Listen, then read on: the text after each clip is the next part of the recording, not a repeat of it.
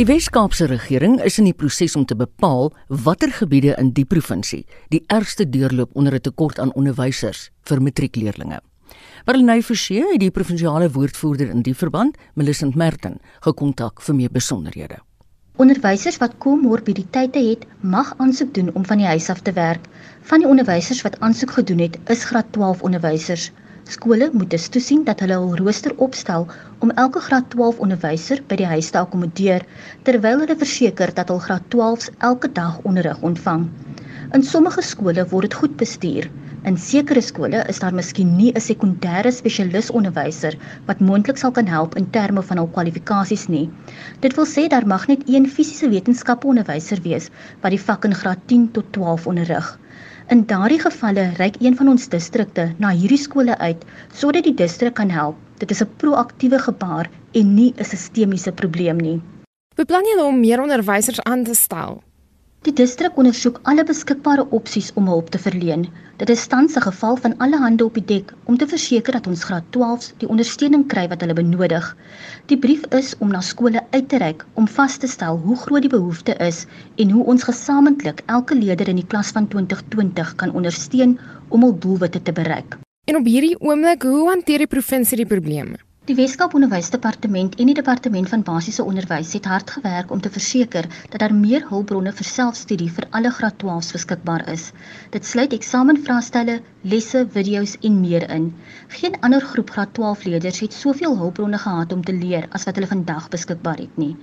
Ons vra dat ons graad 12s hierdie hulpbronne vir addisionele leer en oefening gebruik. Die departement en onderwysers staan bankvas agter die graad 12s en ondersteun hulle alle pad. Ons weet dat dit 'n stresvolle tyd is en ons sal alles in ons vermoë doen om te verseker dat hulle die nodige ondersteuning kry in aanloop tot die eksamen. Ons sien ons plan om tot 50 leerders per slag in klaskamers te akkommodeer vir tot 'n halwe dag lank. Hoe maak julle seker dat die virus nie hier versprei nie? Een van die opsies is om leerders van verskillende skole in 'n skoolsaal te akkommodeer. Alle veiligheid en gesondheidsprotokol sal steeds handhaaf word, insluitend die dra van maskers en voldoende afstand tussen individue. Dit is maar net een van verskeie opsies wat oorweeg word en daar sal ten alle tye in die beste belang van die leerders opgetree word. So sê die woordvoerder vir die Wes-Kaapse Departement van Onderwys, Melissa Merton.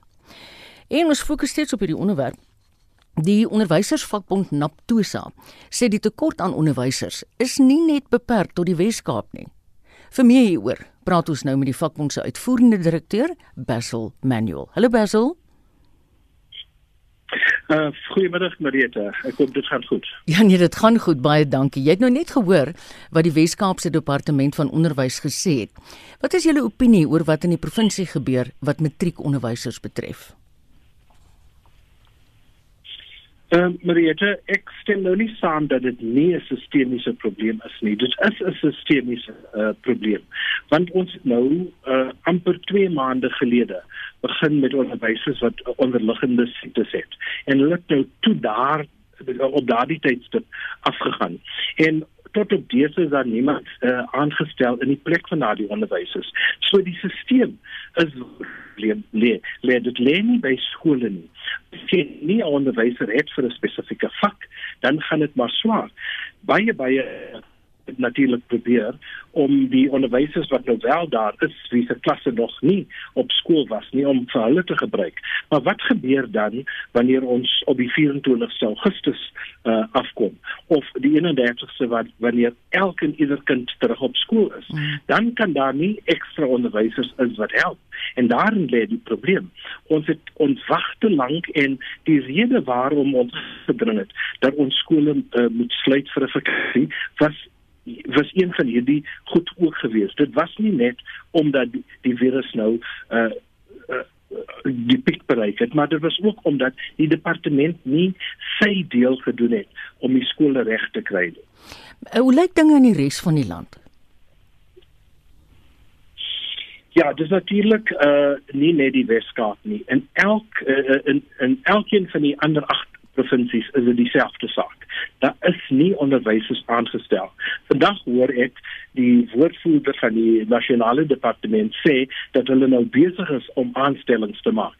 Maar dit is nie wat ons op die grond uh, hoor nie. Ons skole sê hulle wag Hulle het aansoek gedoen, hulle het uh, probeer om mense in die hande te kry, maar daar is nog geen onderwysers aangestel nie. Ons wil sien dat die onderwysers wel aangestel word, want dit uh, maak natuurlik die die lewens van daardie mense wat op skool is baie baie moeilik. En die mense wat nou by die huis is, hulle kan daarom nou werk en daar is regulasies om hulle aan die werk te hou, maar hulle het mense daar op die skole nodig om daardie werk uh, uit te voer. Mm.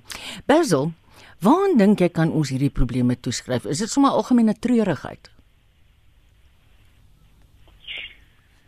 Uh, ja, in sommige gevalle is dit net so dat daar baie min gedoen word in die tyd wat mense het uh, om om goed te doen. Kyk, ons wag nou vir veral provinsies soos die Oos-Kaap en KwaZulu-Natal om hulle uh, goed reg te kry want hulle kon nie die tweede en die derde fase begin uh om leerders terugneem in in daardie fases nie. So hulle het baie opvang om te doen en dit is nou treurigheid. Maar daar is nou wel provinsies wat probeer en daar is baie goed wat aangaan en uh ek dink dat daar wel groot probleme is. Hmm. As daar so om en by 13000 tot 15000 onderwysers wat uh, daar af is met met onderliggende siektes, kan die kan jy dit jou voorstel ja. dat dit nou 'n uh, baie baie duur gaan wees om om hulle almal uh, te verplas. Uh, en en mm. daarin lê een van die probleme. En ons is nou nie blind daarvoor nie. Ons weet tog wat die probleme is, maar ons moet daarin 'n onderwyser voor klas hê.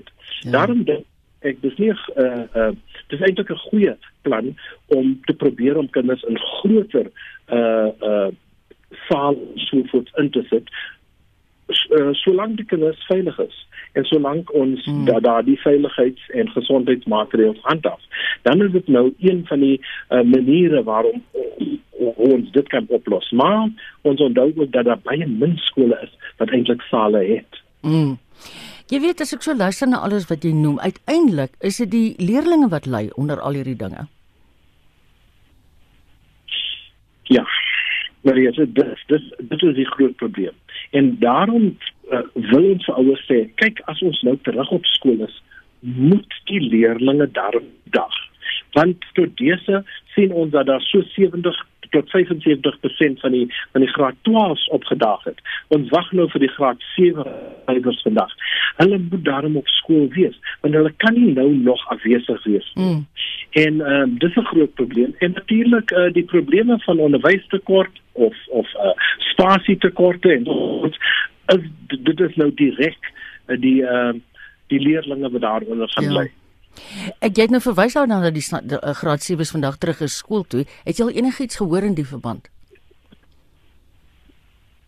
Ons het nou net van KwaZulu-Natal af uh eh, sy kry van van die bywoning en dit lyk heeltemal goed uh party gebiede het so min as uh 60% van die leerders wat opgedaag het. En ons hoop dat soos die week nou aangaan meer kinders sal opdaag. Maar uh, as ons na gemiddelde kyk is dit so om en by uh 70% ook. Goed. Die Basil baie dankie. Ons praat in hierdie dae vreeslik baie met julle, maar ons waardeer die tyd en ook al die inligting wat jy vir ons gee. Dit was die vakbond Naptosa se uitvoerende direkteur Basil Manuel. Die voormalige burgemeester van die Mangaung Metro, Olli Mlamleli, is Vrydag aand tydens 'n spesiale raadsvergadering uitgestem. Die mosie van wantroue teen haar is deur die Vryheidsfront Plus gebring. Lamleli was die burgemeester sedert 2016 en het twee vorige mosies van wantroue oorleef. Die ANC in die Vrystaat beplan intussen om teen raadslede op te tree wat saam met die oppositiepartye teen haar gestem het. Ons gesels nou hieroor met die politieke ontleder aan die Noordwes Universiteit, professor Andrei Duvenage. Goeiemôre Andrei. Uh goeiemiddag Marieta. Die metro is reeds verlede jaar al onder administrasie geplaas. Lamleli se termyn is gekenmerk deur korrupsie en swak bestuur. Was dit nie maar tyd vir haar om te gaan nie?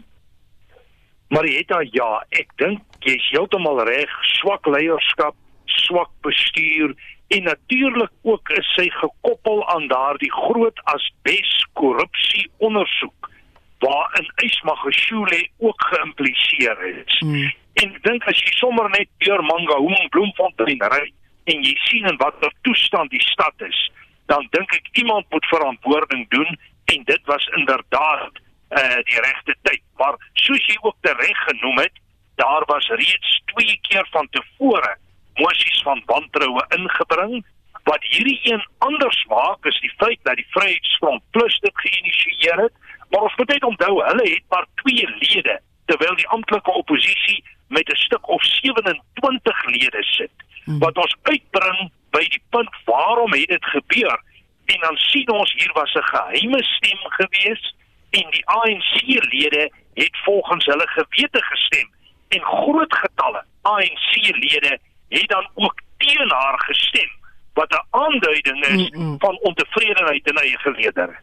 Ons het Saterdagoggend met die Vryheidsfront Plus gepraat nadat dit nou die vorige aand gebeur het. En toe die persoon ook gesê, dit is definitief so dat verskriklik baie van hulle van die ANC het vir haar gestem, gestem sy moet uitgaan.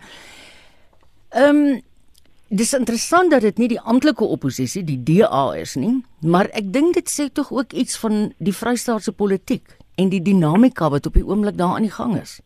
Ja, inderdaad is dit so. Ek het die lys gesien of die lyste want daar's twee lyste van name van die ANC hmm. wat gestem het teen Ollie Lamlele. 18 van hulle was wijkslede en 12 was van die proporsionele lys. En dit is inderdaad soos jy sê 'n aanduiding van die interne konflikte binne die ANC en dit is op 'n manier ook vir my 'n aanduiding dat Magashule begin 'n bietjie teenstand te kry in sekere omgewings. Hmm. Maar wat ons ook weet is dat die ANC soms brutaal kan optree teen hulle eie lede en wat teen hulle stem. En ons het dit gesien in 'n ander gebied, Maluti Appelfong in die Vrystaat. So ek verwag wel optrede teen van daardie lede, maar dit lyk vir my of dit 'n bietjie groot is. En ons moet net onthou dat Mangaung is die grootste stemdistrik hmm. in die Vrystaat met die grootste getal stemme. En dit is vir my 'n aanduiding dat die ANC in die Vrystaat met 'n probleem sit en dat die netwerke, hierdie patronaatskap netwerke waarmee hy werk, besig is om in die moeilikheid te hardloop. Ek weet natuurlik ook dat hy besig is om nuwe lojaliste geposisioneer te kry en ek sal nie verbaas wees as hy agter die skerms selfs hiertoe kon meewerk nie maar dit staan in die teken van onstabiliteit en onsekerheid.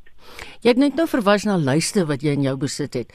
Het hulle net gesê hoeveel van die kandidaate of het hulle inderdaad name bekend gemaak? Wel, ek het lyste gesien met name wat bekend gemaak is.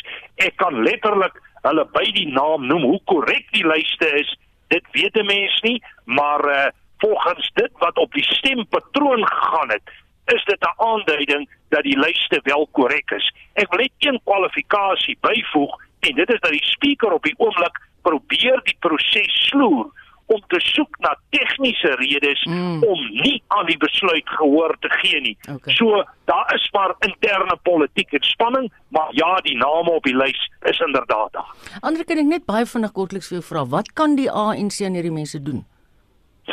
Wel, hulle kan uiteraard vanuit 'n partydissipline hoogpunt kan hulle teen hulle optree en uh, veral ten opsigte van jou proporsionele lyste kan daar sterker opgetree word. Wanneer dit by lyste wanneer dit by die kiesafdelings kom is dit meer problematies maar ons het gesien dat partye binne ons kiesstelsel het baie groot mag en daar is maniere om van hierdie leiers ontslae te raak. Natuurlik is dit nie so eenvoudig nie want die ANC met faksies en oralster mobiliseer mense ook uh, vir een groep en vir 'n ander groep. So dis eintlik maar deel van 'n redelike onstabiele omgewing. En as jy met 'n slegte saak scenario werk, dan praat ons eintlik maar hier van die disintegrasie van 'n politieke party of 'n familie van groepe vroeër bekend as die ANC uh, eh, Broadchurch. Baie dankie. Ons het gesels met die politieke ontleder aan die Noordwes Universiteit, professor Andrei Dievenage. Die Sonderkommissie van ondersoek na staatskaping het vandag getuienis aangehoor wat verband hou met die aanstelling van die voormalige minister van Finansies, Des van Rooyen. Van Rooyen is deur voormalige president Jacob Zuma in 2015 aangestel nadat hy in Klantlanene as minister van Finansies afgedank het. Van Rooyen was vir 4 dae in die pos voordat Zuma hom met Pravin Gordhan vervang het. Ons gesels nou met ons verslaggewer wat die Zondo-kommissie se verrigtinge bywoon, Nomalizo Mandela. Good afternoon Nomalizo. Good afternoon, Marietta. What was the crux of Van Rooyen's testimony? So, uh, Mr. Van Rooyen has not testified yet Oh. um, because um, earlier on, the uh, Deputy Chief Justice actually granted him the uh, permission to actually cross-examine Mr. Fuzile, um, and this was based on the argument from his lawyer, basically saying that Mr. Fuzile has not completed his testimony if he's not cross-examined, and it would not be fair for Mr. Van Rooyen to testify before cross-examining Mr. Fuzile. Yeah, that one can understand. Just backtrack a little bit for us. Fuzile testified in 2018. What was of importance to Van Rooyen? So basically, when he testified, he specifically focused on the, uh, you know, the events that took place immediately after he was appointed. We all know then that he is um, um, the shortest uh, finance minister serving, or, or rather a serving finance minister, as he only lasted for just a couple of days. So he basically told the commission that um, um, the night of his appointment, he was approached by um, another uh, NEC member or senior member of the ANC, Mr. Kodongwan, who basically said that um, as a DG of finance, he's going to be receiving a Gupta minister who's basically coming with his own um, advisors. And he says he dismissed it because he thought that was just a ridiculous thing, only to have the, the, the that actual thing be confirmed the next morning Mm. when uh, Mr. Mr. Van Rooyen was sworn in, where he actually appeared with um, these three advisors that uh, Mr. Kondogwana said basically they're coming from the Guptas. So he testified to that. And the on, another another issue was that uh, Mr. Fuzilo was saying that as a DG, they had a process where every time a new minister comes in, they have to basically issue out a statement so that you know they could calm the markets and the investors on the new person coming in into this very strategic uh, position. But he says then uh, Mr. Van Rooyen basically said to him, no, they're not going to be issuing out a statement. Um, and in fact, he has his own statement that has already been done. And he actually said that he was not part of that state, uh, of the drafting of that statement, which was also bizarre because as a DG, he has Mm. to be, you know, uh, Mm. very, uh, play a very integral part in the releasing of a statement. What did Van Rooyen's legal team cross-examine Fuzile about? Whether on a specific topic or did they just go for in general?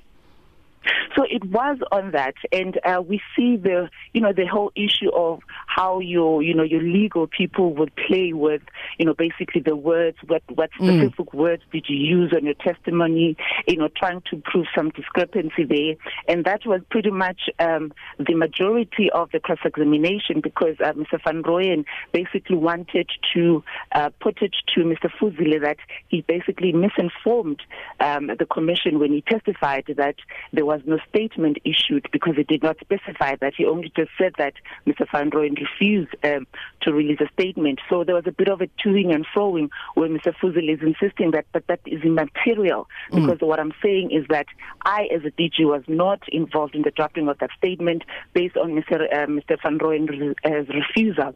Also, um, another issue was that there was a comparison with yet another colleague at the uh, at the department, um, Mr. Pumza Makanda, who basically said that uh, Mr. Van Rooyen, as much as he refused, he did offer to say that there was a statement uh, that he had already prepared.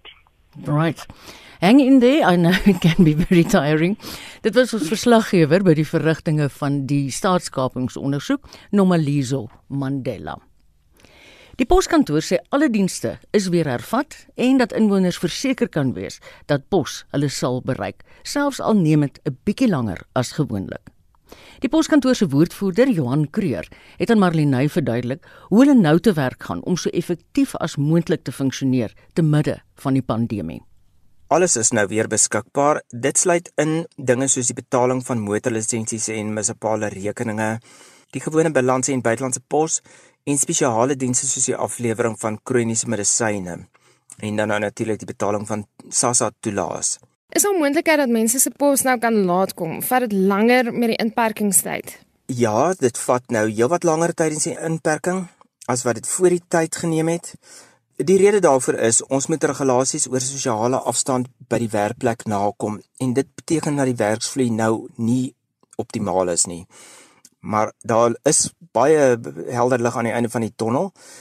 Ons het uh, tamelike lang onderhandelinge met die vakbonde gehad en by Cape Mail byvoorbeeld is daar van vandag af twee skofte wat beteken produktiwiteit is weer wat dit normaalweg is en die agterstand behoort nou baie vinnig afgelewer te word. Wat van pos uit die buiteland? By internasionale pakkies Daar lyk dit ook beter want wat nou daar gebeur is die oorskot word sommer dadelik na ander possentrums toe geneem en dan word dit daarso verwerk en afgelewer. So daar is nog geweldig baie pakkies om te verwerk, maar dit gaan vinniger en ehm um, as jy vir 'n pakkie wag kan jy seker wees hy is nou wel laat, maar hy's nie weg nie. Die enigste land wat nog nie pos hiernatoe stuur nie, is die FSA maar vreemd genoeg hulle ontvang wel pos van ons af sonder enige probleme. En wat nou onlangs bygekom het is Ierland en Israel. Dis net Duitsland wat nog nie pos Suid-Afrika toe stuur of ontvang nie. Die ander uitsondering is Australië. Geen lugpos word soontoe toegelaat nie, net seepos. En dit hang saam met die koronavirus omdat seepos baie stadig is. Dit vat maklik 6 weke vir die skip om daar uit te kom. Teen daai tyd is die virus dood. En watter veiligheidsmaatreëls is binne die poskantoor? Die grootste gevaar is interpersoonlike kontak. Daarom maak ons seker dat die regulasies binne die poskantore en ons sorteersentrums nagekom word. Almal se hande word ontsmet, temperatuur word gemeet wanneer hulle inkom en ons het register van almal, kliënte en uh, die mense wat daar werk ook. Die rede daarvoor is as ons agterkom dat daar deur die dag 'n persoon by die poskantoor was wat koronavirus onderlede het, dan kan ons almal laat weet wat daai dag by die poskantoor was. Buite kan die poskantoor is dit bietjie moeiliker en nou met die R350 toelaag waarop geweldig baie Suid-Afrikaners geregtig is. Dis toue lank. Dit was buite kan die poskantoor staan daar mense en daar doen ons sekuriteitsouens hulle bes om sosiale afstand te handhaaf, maar ons het nie die beheer oor mense buite die poskantoor as binne nie. Wat die pos self aanbetref, by elke punt waar pos oorhandig word, word die hele besending ontsmet met 'n alkoholsproei wat beteken as jy 'n pakkie of 'n brief in jou hande kry op die ou end, dan kan jy baie seker wees hy is heeltemal veilig en daar is nie 'n virus op daai ding nie. So sê Johan Kruger, hy is die woordvoerder van die poskantoor. Jy luister na Spectrum elke weekmiddag tussen 1 en 2. In die program Statistieke Suid-Afrika het pas die jongste vervaardigingssyfers bekend gemaak. Graad 7's is vandag terug skool toe. En 'n belangegroep vir rokers het 'n aansoek in die konstitusionele hof gebring om die tabakverbod op te hef. Vorige uitsendings en vandag se program is beskikbaar op Potgooi, gaan dit na rsg.co.za.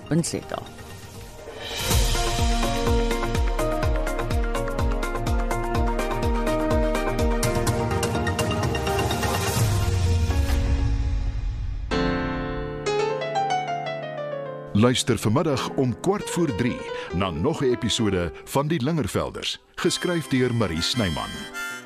Hmm, ek sou nie so ver gaan nie. Ek is wel 'n gesiene man in my dorp. Mense kyk op na my. Maar ek glo 'n mens moet beskeie bly, medemenslik, jy weet. Nou, natuurlik. maar vergeet van my. Ek is vrek nuuskierig. Vertel my waaroor die gewigtige vergadering daarbo gaan. Hm? Moeilikheid tussen Chris en sy regterhand?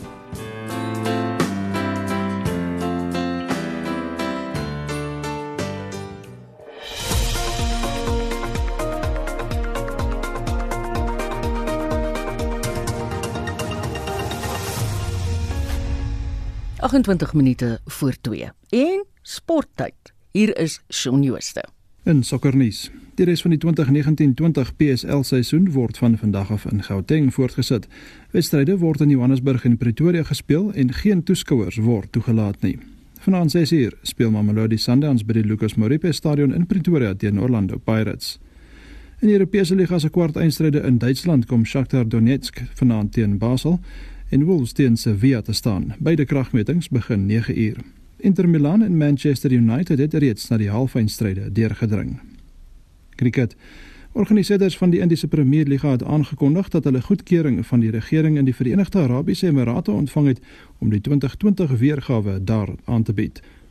Die toernooi sal nou tussen 19 September en 10 November plaasvind en wedstryde sal in Sharjah, Abu Dhabi en Dubai plaasvind. Dit is die derde keer dat die toernooi buite Indië gehou word. En laastens in tennisnuus. By die vroue toernooi in Lexington in Amerika pak die wêreldnommer 9 Serena Williams haar landsgenoot Bernarda Pera later vandag in die eerste ronde en Venus Williams stap teen Victoria Azarenka van Belarus op die baan uit. En by die Praag Ope in die Tsjechiese Republiek sê Simona Halep van Roemenië en Polona Hercog van Slovenië mekaar vandag die stryd aan soos die jong Jooste van RSG Sport. Statistieke Suid-Afrika het pas die jongste vervaardigingssyfer bekend gemaak. Vir meer besonderhede sluit ons aan by Lizet Eysel de Skepper. Sy is 'n senior ekonom verbonde aan die Buro vir Ekonomiese Onderzoek in Stellenbosch. Goeiemôre, Lizet. Goeiemôre. Hoe het die sektor gevaar? Na amper 50% val in April, toe ons nog op vlak 5 van die inperking was, het produksie herstel in Mei en Junie op 'n maandelikse basis. Hmm. In Mei het produksie met 30% toegeneem in vergelyking met April en in Junie met 'n verdere 16.8%. Dit beteken egter dat op 'n jaarlikse basis, so in vergelyking met Junie 2019, vervaardiging uitset steeds 16.3% laer was. Nou wat belangrik is vir BBP is hoe produksie in die hele tweede kwartaal vergelyk met produksie in die eerste kwartaal. En in die 3 maande tot Junie was produksie met meer as 30% af in vergelyking tot die eerste 3 maande van die jaar. So selfs in die diepste punt van die globale finansiële krisis in 2008-9 het ons produksie nie met naaste by so baie geval nie. So dit beteken dat die vervaardigingssektor swaar op die tweede kwartaal se BBP sal weeg. Is daar iets uitsonderliks wat jou oog gevang het? Ek dink wat uitstaan is net hoe wyd versprei die afname was. Ons weet die impak ja. het elke sektor geraak en selfs die voedselvervaardigers byvoorbeeld wat dalk toegelaat was om teen volle kapasiteit te hardloop, het dit nie noodwendig gedoen nie omdat vraag vir hulle produkte afgeneem het. Hulle produseer nie produkte net vir supermarkte waar ek en jy ons inkopies doen nie, maar ook vir restaurante en hotelle. Mm. En daai mark het natuurlik heeltemal weggeval en is ja. nog steeds maar stadig aan die herstel. Ja, dit is so. Wat voorspel jy vir vorentoe, Lucet? Ons het nou sterk maand op maand verbeteringe gesien in produksie in Mei. Nee, nee, en dit maak sin want elke maand was daar bietjie meer produksie toegelaat soos inpakking regulasies 'n uh, bietjie verminder het. Maar van Junie tot Julie het ons nie sulke verdere verslapping in regulasies gesien nie. En vervaardigers van alkoholiese produkte en natuurlik die fabrieke wat produkte vervaardig vir alkoholiese produkte soos glas of blikkies is natuurlik weer negatief geraak um, in Julie. Ons het ook weer beurtkaart sien wat produksie dalk negatief gaan invloed. So ek dink nie ons gaan weer sulke sterk maand op maand toename sien nie en produksie gaan steeds baie baie swakker wees op 'n jaarlikse basis. Baie dankie. Dit was Elizet Eysel de Skepper, 'n uh, senior ekonom van die Buro vir Ekonomiese Onderzoek in Stellenbosch. So wat 750 miljoen rand gaan daagliks verlore in die toerismebedryf tydens die inperking. So sê die DA wat nou 'n petisie begin Die party versoek die regering om Suid-Afrikaners toe te laat om oor grense heen te mag reis, om in enige hotel of vakansieoord te kan bly en aan enige bedrywighede te kan deelneem. Is dit deklaratoon verslag? Dit is tyd dat die regering die toerismebedryf en die land se grense weer oopstel.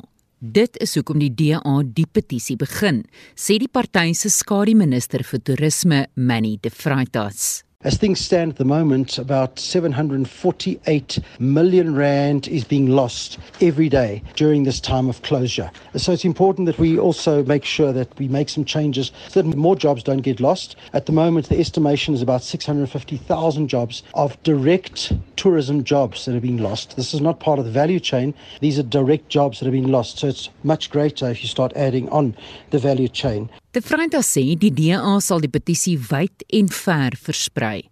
Maar sal die politieke party hulle nie eerder na die hof wend om die regering aan te vat nie. Indeed, legal action would be an option, and there are some uh, matters that are presently in the courts. But the problem is that it takes very, very long. And quite honestly, the tourism sector doesn't have the time any longer. And so we need something more immediate that we can action. And a petition is a very real, quick way of ensuring that government pressure is put on. Hy sê hulle gaan soveel as moontlik handtekeninge kry en dan die petisie parlement toe neem. And the reason why this petition is important is because it's the first national petition. We're aware of some provincial petitions, which are very good, but we want to focus on the fact that our borders are closed, our borders between provinces are closed, so you may only travel intra province and not outside of your province. And so, uh, ensuring opening up our borders provincially would allow our domestic tourism at least to start and at least the tourism sector be able to, to continue and function that way.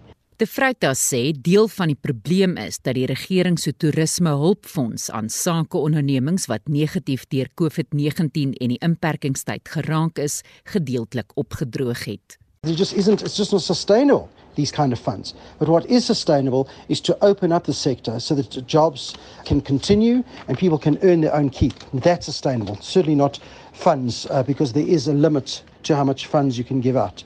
Certainly as far as cooperation with tourism organizations are concerned. Obviously, they're non political, and I've been to many of the public demonstrations throughout the country uh, joining in the tourism sector.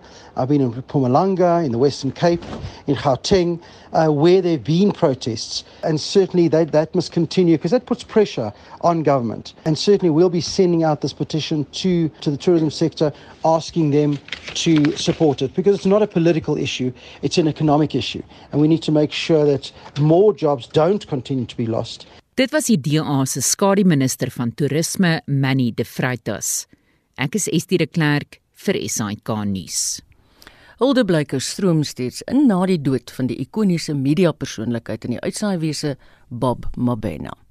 Mabena, wat minstens 3 dekades lank in die bedryf was, is gister dood in die ouderdom van 51 nadat sy hartskielik net gaan staan het.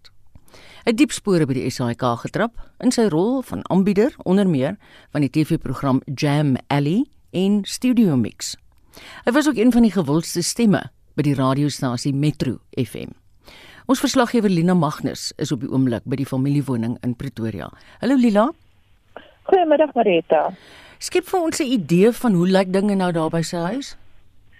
Dit is 'n somber atmosfeer hier buite aan Bob Mabena se huis. Sy was net wat sy 'n hele afvaardiging van Power FM wat um, hulle meegevoel kom betuig het vir sy gesin en sy vrou.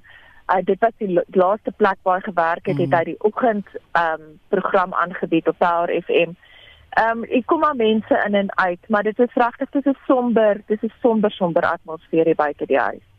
Kon jy met enige van die familie of van die besoekers te praat te kry? Nou, die familie op die oomblik praat met die media nie. Hulle het gesê hoewel hulle baie baie diep dankbaar is vir al die liefde en gebede wat hulle van die Suid-Afrikaners afkry, hulle tyd nodig het om te rou. Ja. Ehm ja. um, dit is 'n moeilike proses vir hulle verstaan hy was geliefd geweest en hy het nie net aan hulle behoort nie, hy het aan die hele Suid-Afrika behoort. Maar dit is hulle dis hulle man, hulle pa, weet hulle seun, dit is dis 'n dis 'n mm. dit is 'n groot leefte wat hulle nou moet probeer verwerk. Wat van die mense met wie ons gepraat het, um, een van sy jaarlange vriende, Winston Maimane, het gesê dit was hy was net geseënd geweest om 'n vriend soos Mabena te hê. Hy sê wat mense dalk nie weet nie, is hulle dalk sou dink hy's 'n groot ekstrovert omdat hy so groot radiopersoonlikheid ja, ja. gehad het. Maar dat hy eintlik 'n introvert was, dat hy op sy gelukkigste was by sy huis met sy mense, dat hy naweek sy selfoon afgesit het en dat dit is waar hy homself kon wees. En ehm um, dat dit is wat hy altyd sal onthou van sy vriend, is hoe gelukkig hy was met sy by sy familie. En maar ook dat hy tot op die laaste elke keer wat hy werk toe gery het, dit nooit vanselfsprekend aanvaar het nie. Hy het gesê, Winston het gesê die laaste dag wat uh, Mabena werk toe gery het, het hy nog steeds hoendervleis gekry en was hy op sy senuwees voor die program sou begin. So dit wys ook wat 'n tipe mens Mabena was, ja. nou opreg en eerlikheid, nie net in sy werk was nie, maar ook met sy handeling met ander mense. Ek kan nie meer jou saamstem nie. Hy was geweldig geliefd in sy tyd wat hy hier by die SAK was. En hy was een van daai omroepers wat van al die radiostasies is hy die een ou wat almal altyd gegroet het want hy was verskriklik beskeie en hy was baie vriendelik. Ja, mens kom dit duidelik agter as jy as jy luister na sy vriende, die mense wat hy was. Mm. En ook as jy sien hoe Suid-Afrikaners hulle uh, hulle hulle meegevoel teenoor um, of uh, hulle meegevoel uitstort op sosiale media. En ek dink dit is wat hom so suksesvolle omroeper ja. gemaak het, is dat sy opregtheid wat het deurgeslaan in die manier hoe hy uitgesaai het. Daar was 'n tyd wat ek sou van aanvaar het Bob sa eintlik in Afrikaans uit want ek voel so ek ken hom so goed. ja. Baie dankie Lila. Ek weet dis 'n moeilike storie om nou vir ons die nuus van te bring want dit is maar altyd baie hartseer. Ja nee, dit is altyd hartseer veral as iemand op so vroeë ouderdom ja. so onverwags oorlede is. Soos Winston gesê het is hy dink van die familielede hierso is verbaas as hulle kyk na Mabena se prestasies want dit klink asof dit 'n man moet wees wat in sy 80s of 90s ja, is. Ja, ek kan dit nogal glo. Baie dankie ja. Lila. Dit was ons verslaggewer Lila Magnus. 'n Belangegroep vir rokers, Justice for RSA, sê die regering en groot tabakmaatskappye wat in uitgerekte hofsaake argumenteer, doen dit nie in rokers se belang nie. Die groep wat uit lede van die publiek bestaan, het 'n aansoek in die konstitusionele hof gebring om die regering te dwing om die verbod op die verkoop van tabakprodukte op te hef. Ons praat nou met Justice for RSA se regsverteenwoordiger, Christie Briel. Goeiemôre Christie. Middag Marieta, hoe gaan dit? Dit gaan met my goed, dankie, maar dit klink my julle julle self dinge wat aangaan daar by julle. Julle vra ja. die konstitusionele hof vir twee versoeke. Wat is die? Uh, Marieta, ja, middag aan jou en al die luisteraars. Ehm um, ja, dit wat ons soek en wat ons voorsmeek eintlik is eerstens natuurlik toegang tot die grondwetlike hof. Ehm um, dis nie iets wat mens maklik kry nie en dis die eerste hekkie waar waaroor ons moet kom mm. om natuurlik aangehoor te mag word. En dan tweedens indien ons dan suksesvol is daarmee, ehm um, sal ons vra dat die dat die verbod op die verkoop van sigarette ongrondwettig verklaar word en dat ons onmiddellik weer toegang mag kry tot ons entjies. en julle aansoek vra julle die hof met rokers se regte in ag neem. Watter regte noem julle almal in die aansoek? Ons baseer hulle op op drie regte. Ehm um, naamlik die reg om gelyke behandeling voor voor die wet en voor die reg om met ander woorde soos die res van die landsburgers behandel te word. En dan natuurlik die ander twee regte wat die mees belangrikste is, is die reg op lewe en die reg tot waardigheid of integriteit om die direkte vertaling te gebruik. Ehm um, in julle aansoek vra julle die hof moet rokers se regte in ag neem en jy het nou gesê julle het die drie genoem. Maar nee. julle meen ook sigarette wat rokers tans onwettig koop kan moontlik meer skadelik wees omdat daai produkte nie gereguleer word nie en dit voldoen nie aan 'n bepaalde standaard nie. Dis korrek en daar kan ek sommer van van eie eie gebruik uh praat van van die sigarette wat ek in die verlede gerook het en dit wat ons nou ongelukkig koop is is regtig substandaard en ons het ongelooflike wetgewing in ons land wat wat die standaarde reguleer wat reguleer hoe vinnig hulle byvoorbeeld uitbrand ehm um, wat is alles wat daar binne in ja. gevat mag word en die die die advertensies bo op die sigarette en al daai tipe van goeder dit wat tans beskikbaar is die sommige seteerinhoud is byvoorbeeld 15 mg ehm um, die nikotine is 1.2 en jy moet maar vat wat jy kry Nee, verskeidenheid nie. Ek het eers so op 'n paal vanoggend gesien en help my nou reg as ek verkeerd is. Maar het iets gesê van die aksiesbelasting wat verlore gegaan het met die tabak. daarmee kon hulle 3 hospitale gebou het. Gemaklik. Ehm um, ek praat van as ek nou maar na die Batshop so se se se ja. getuienis geluister het van 36 miljoen rand 'n dag ehm um, wat wat verlore gegaan het en en daar was nou verskillende persentasies en hoeveelhede en hoeveel rokers en hoeveel het opgehou en ensovoorts ensovoorts maar die totale skade wat gelei is praat hulle van dat 16 beddens gered het. Ehm um, nou soos een van van my kliënte gesê het ons sal met gemaklik daai 16 beddens skenk as dit daarop neerkom en ons sal sê dat net rokers mag daai beddens gebruik. Maar hoe dit nou ook al sê ja dit dit is net en dit dit kom in ons hofsaak ook baie duidelik deur. Al die mense gebruik ons wat die wat die gebruikers is as pionne en hulle hofsaake met hulle uh jy weet al die al die hofsaake wat nou tot dusver te was. Maar op die einde van die dag is dit ons wat skade ly. Dis ons wat wat nie meer kan kies wat ons rook en wanneer ons rook en en hoeveel ons daarvoor betaal nie. Ons is in hierdie warboel ingegooi en ons moet maar ons moet maar sien kom klaar En ehm um, daar daar word net nie daaraan gedink dat 4 maande terug om 'n pakkie sigarette op 'n op 'n garage se rak te gekry het, was heeltemal wettig. En nou moet ek om na die Engels te gebruik by by 'n mm. uh, dwelmbehandelaar waar jy my sigarette gaan skoor tipe van. Ja, ek verstaan, jy voel alsoos 'n misdadiger. Ek ek voel en dit is die ding en en en dit word die integriteit van dan ook. Ja. Ek is nie 'n misdadiger nie. Ek is nie 'n dwelmverslaafde nie. Ek my my verslawing is sigarette en mm. en en en daarvoor kan ek nou sit met 'n kriminele rekord oor 'n paar maande. Nee, ek hoor vir jou sê. Ehm um, Christie, Die baie belangrike miljoen ja. Vraag. Wanneer word hierdie aansoek aangehoor? Dit is nou interessant uit. Ehm um, die die waar bietjie agterste voor, jy beteken eers jou aansoek, dan word hy uitgereik met ander ons kry 'n saaknommer wat ons nou gekry het en dan word hy nou voorgelê en dan word hierom gewerk en dan sal ons laat weet word of ons aangehoor gaan word. So ons sit basies op ons hande nou en wag. Mm. Ehm um, dit kan enigiets tussen 'n week en 6 weke vat. Mm. En dan sal ons eers hoor of ons aangehoor sal word. So dit is 'n soos die Engelsman sou sê Hail Mary, maar ek dink dit is tyd dat daar van ons gehoor word en nie net van almal wat wat oor ons toekoms en oor ons lot besluit. Dis 'n baie interessante verwikking dat jy besluit het om reguit na die uh grondwethof toe te gaan want ek meen dan omseil julle al hierdie ander lang duur sake want kyk ons het nou al die ene gehad. Ons het verlede week met 'n tabakboer gepraat. Ons het heelwat ja. mense van Vita met wie ons gepraat het. Dan natuurlik ja. het ons Saterdag met die mense gepraat van ehm um, SAB. En dit was ja. net ongelooflik. So daar's daar's 'n klomp van hierdie landboubedrywe wat net in die hek duik. Dit is dit is in in die in die die argumente wat ons nou oor en oor gehoor het is is bloot net verstommend. Ehm um, ek bedoel ons is die verbruikers. De, ons monde hang oop as ons hoor mense insinieer dat 50% opgehou rook het en dan sit ewe skielik 15% wat opgehou rook het. Dit is absoluut onsin. Hmm. Ehm um, ons weet wie rook, ons weet dat mense ja, aangehou ja. rook het. Ons dit is de, de, de, al die persentasies nog rondgegooi en dit is absoluut nie waar nie. Mense voel jou hande word afgekap en ons dan bydra tot die fiskus. Ons kan help dat hospitale gebou word. Ons kan help dat al hierdie ander goed gebeur wat moet gebeur, maar daar word dood eenvoudig gesê nee ehm um, julle julle sondaars en julle mag net dood eenvoudig net nie help nie wat ons so graag wil. Deur net dit wat ons vier maande terug gedoen het kon doen nog steeds aan het val jou nie rede. Nee wat ek nee. vanoggend weer die grap in die koerant gesien van een sê verstaan hy reg. Ons kan nou dagga plant en dagga rook maar ons moet dit tog net asseblief met gewone tabak doen nie.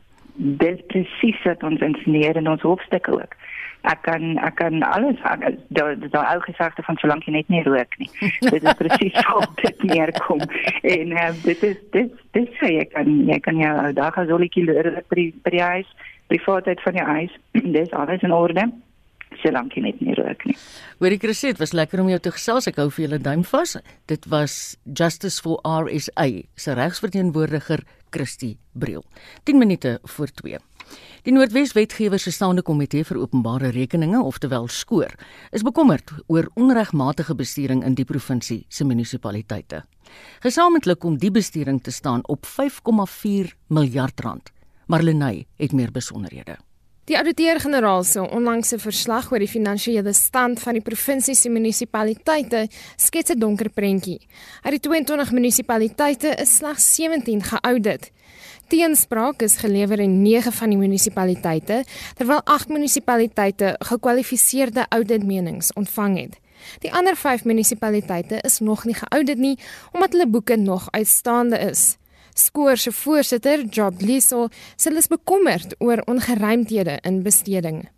The reason for the municipality not to deal with irregular expenditure, it's lack of consequence management. No action taken to the officials, particularly on your supply chain management. No political will. Starting from the council, the mayor who's supposed to play an oversight to the municipal manager. There is business as usual. Die DA se hoofsweep, Freddie Sinokile, sê oppositiepartye wil hê geregtigheid moet geskied en dat finansiële misdrywe gestraf word. Your MFMA tells you solutions that if you have irregular expenditure, how do you deal with it? Persons who are not being dealt with must go to jail, and there are sanctions and offenses in your MFMA. So if we start following the law as it is, because it's already there, then I think we can start seeing changes. But for now, because it's politics more than anything else, there will not be any change anytime soon. Die EFF se Betty Diale het die volgende te sê. The SEM processes are flouted with impunity in all Northwest municipalities, and really it can be business as usual. In all municipalities, the AG's recommendations are never implemented, hence recurrence of transgressions. Transgressors must be prosecuted and punished. We can't allow that to be business as usual under these circumstances. Die ANC se woordvoerder vir die tussentydse provinsiale komitee, Kenny Morolong, sê die party gaan die kwessie vandag bespreek. The interim provincial committee will meet to inter alia reflect on the state of governance. We will reflect on the uh, outcomes of the AG with respect to Northwest municipalities, the dramatic increase in irregular expenditure, the dramatic increase in cases where there is no consequence management. Once uh, we have met and deliberated on these issues, we will publicly express our views. En professor Barry Anjane, verbond aan die Noordwes Universiteit, meen intussen die skuld lê by 'n gebrek aan kundigheid en sterk politieke leierskap. It's high time we should question the skills of these persons, the experience, the qualifications, and above all, whether there is strong leadership in these municipalities. Hy beklemtoon dat dit belangrik is vir gemeenskappe om hulle leiers aanspreeklik te hou.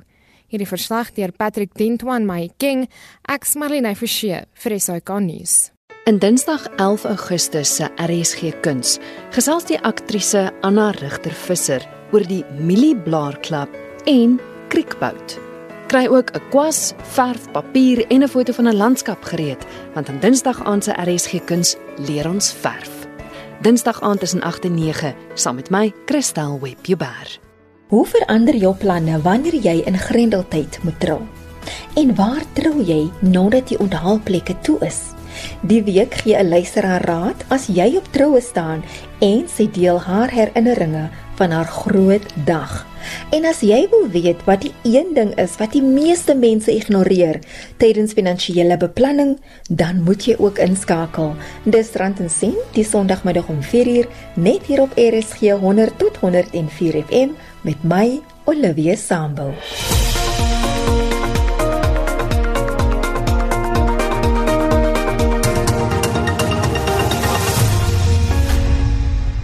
Die regering sê die rol van die ministeriële komitee wat korrupsiebeweringe in verband met die verkryging van beskermende toerusting moet ondersoek, word misverstaan.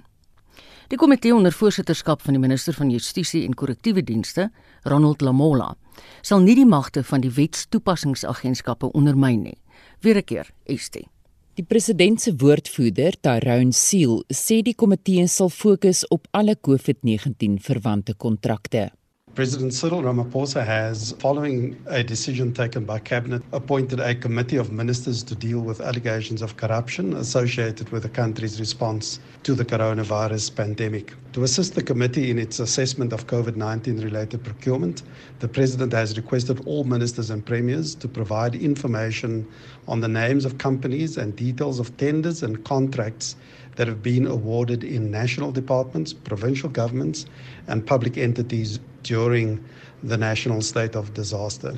Sommige regskenners is skepties en sê die komitee het geen regsbasis nie. Advokaat Tembeka Ngukatobi sê so 'n komitee sal die persepsie skep dat daar met die werksverpligtinge van wetstoepassingsagentskappe ingemeng word.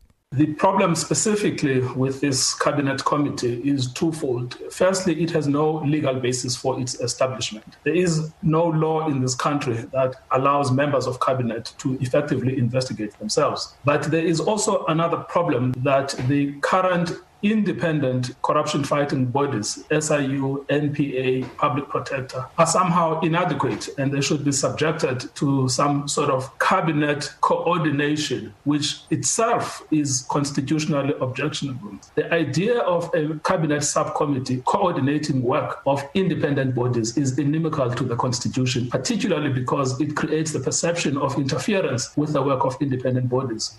Maar die voorsitter van die komitee, die minister van Justisie en Korrektiewe Dienste, Ronald Lamola, sê in teenstelling met inligting wat die ronde doen, sal die komitee nie enige korrupsie ondersoek nie. Die komitee gaan regsagentskappe bystaan om besonderhede saam te stel en te publiseer van alle COVID-19 verwante kontrakte wat aan verskillende staatsentiteite toegeken is.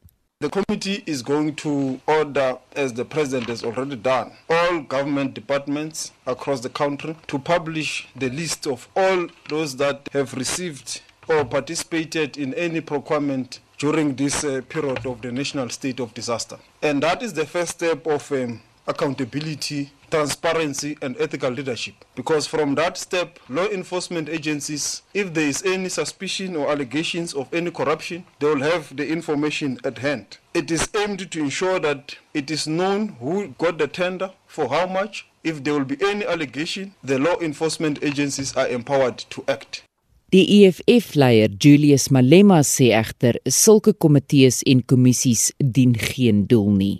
Commissions of inquiry like courts and all of that. When politicians don't want to do something, they establish a commission of inquiry. Then it drags and drags and drags. That's what they do. They buy time with long processes to get you to forget and from there they run away with matter and they never get to be held accountable. Intussen word daar van alle staatsdepartemente verwag om die besonderhede van kontrakte wat gedurende die inperkingstydperk toegeken is aan die komitee voor te lê. Dit sal dan gepubliseer word en deur die publiek besigtig kan word. Hierdie verslag is saamgestel deur Ntebo Mokobo in Johannesburg. Ek is Estie de Klerk vir SAK nuus. Nou hierdie einste is die de Klerk en ek het albei ons deel hierdie liefde vir ons honde. En sy het vir my die volgende brokkie gestuur. Ek dink dit is fantasties. Dankie Estie vir almal wat hard werk by hulle huise. Luister, spitsie ore. In Australië het 'n hond met die naam van Bear sedert Januarie reeds meer as 100 sterwende, siek of ontwaterde koalas in die land se uitgebrande bosse gevind. Bear wat as troeteldier verwerp is omdat hy te hiperaktief was, staan nou geduldig sodat sy hanteerder sy selskoene kan aantrek voordat hy in die bos inhardloop. Wanneer hy 'n beseerde of 'n siek koala ruik, gaan lê hy onder die spesifieke boom waarin die koala is. Daar's steeds honderde koalas in die uitgebrande woude, maar hulle kan nie meer in die habitat oorlewe nie. Dan kom Bear tot hulle redding. Is dit nie 'n mooi storie nie? Van ons almal in die ateljee Dit is Jean Esterhuizen, Frikkie Wallis, ek is Marietta Kreer, ons medewerkers was Estie de Klerk en Marlene Forsie, hulle het hard gewerk. Dankie julle. Sien ons almal, totsiens. Geniet die res van die middag in die geselskap van RSG.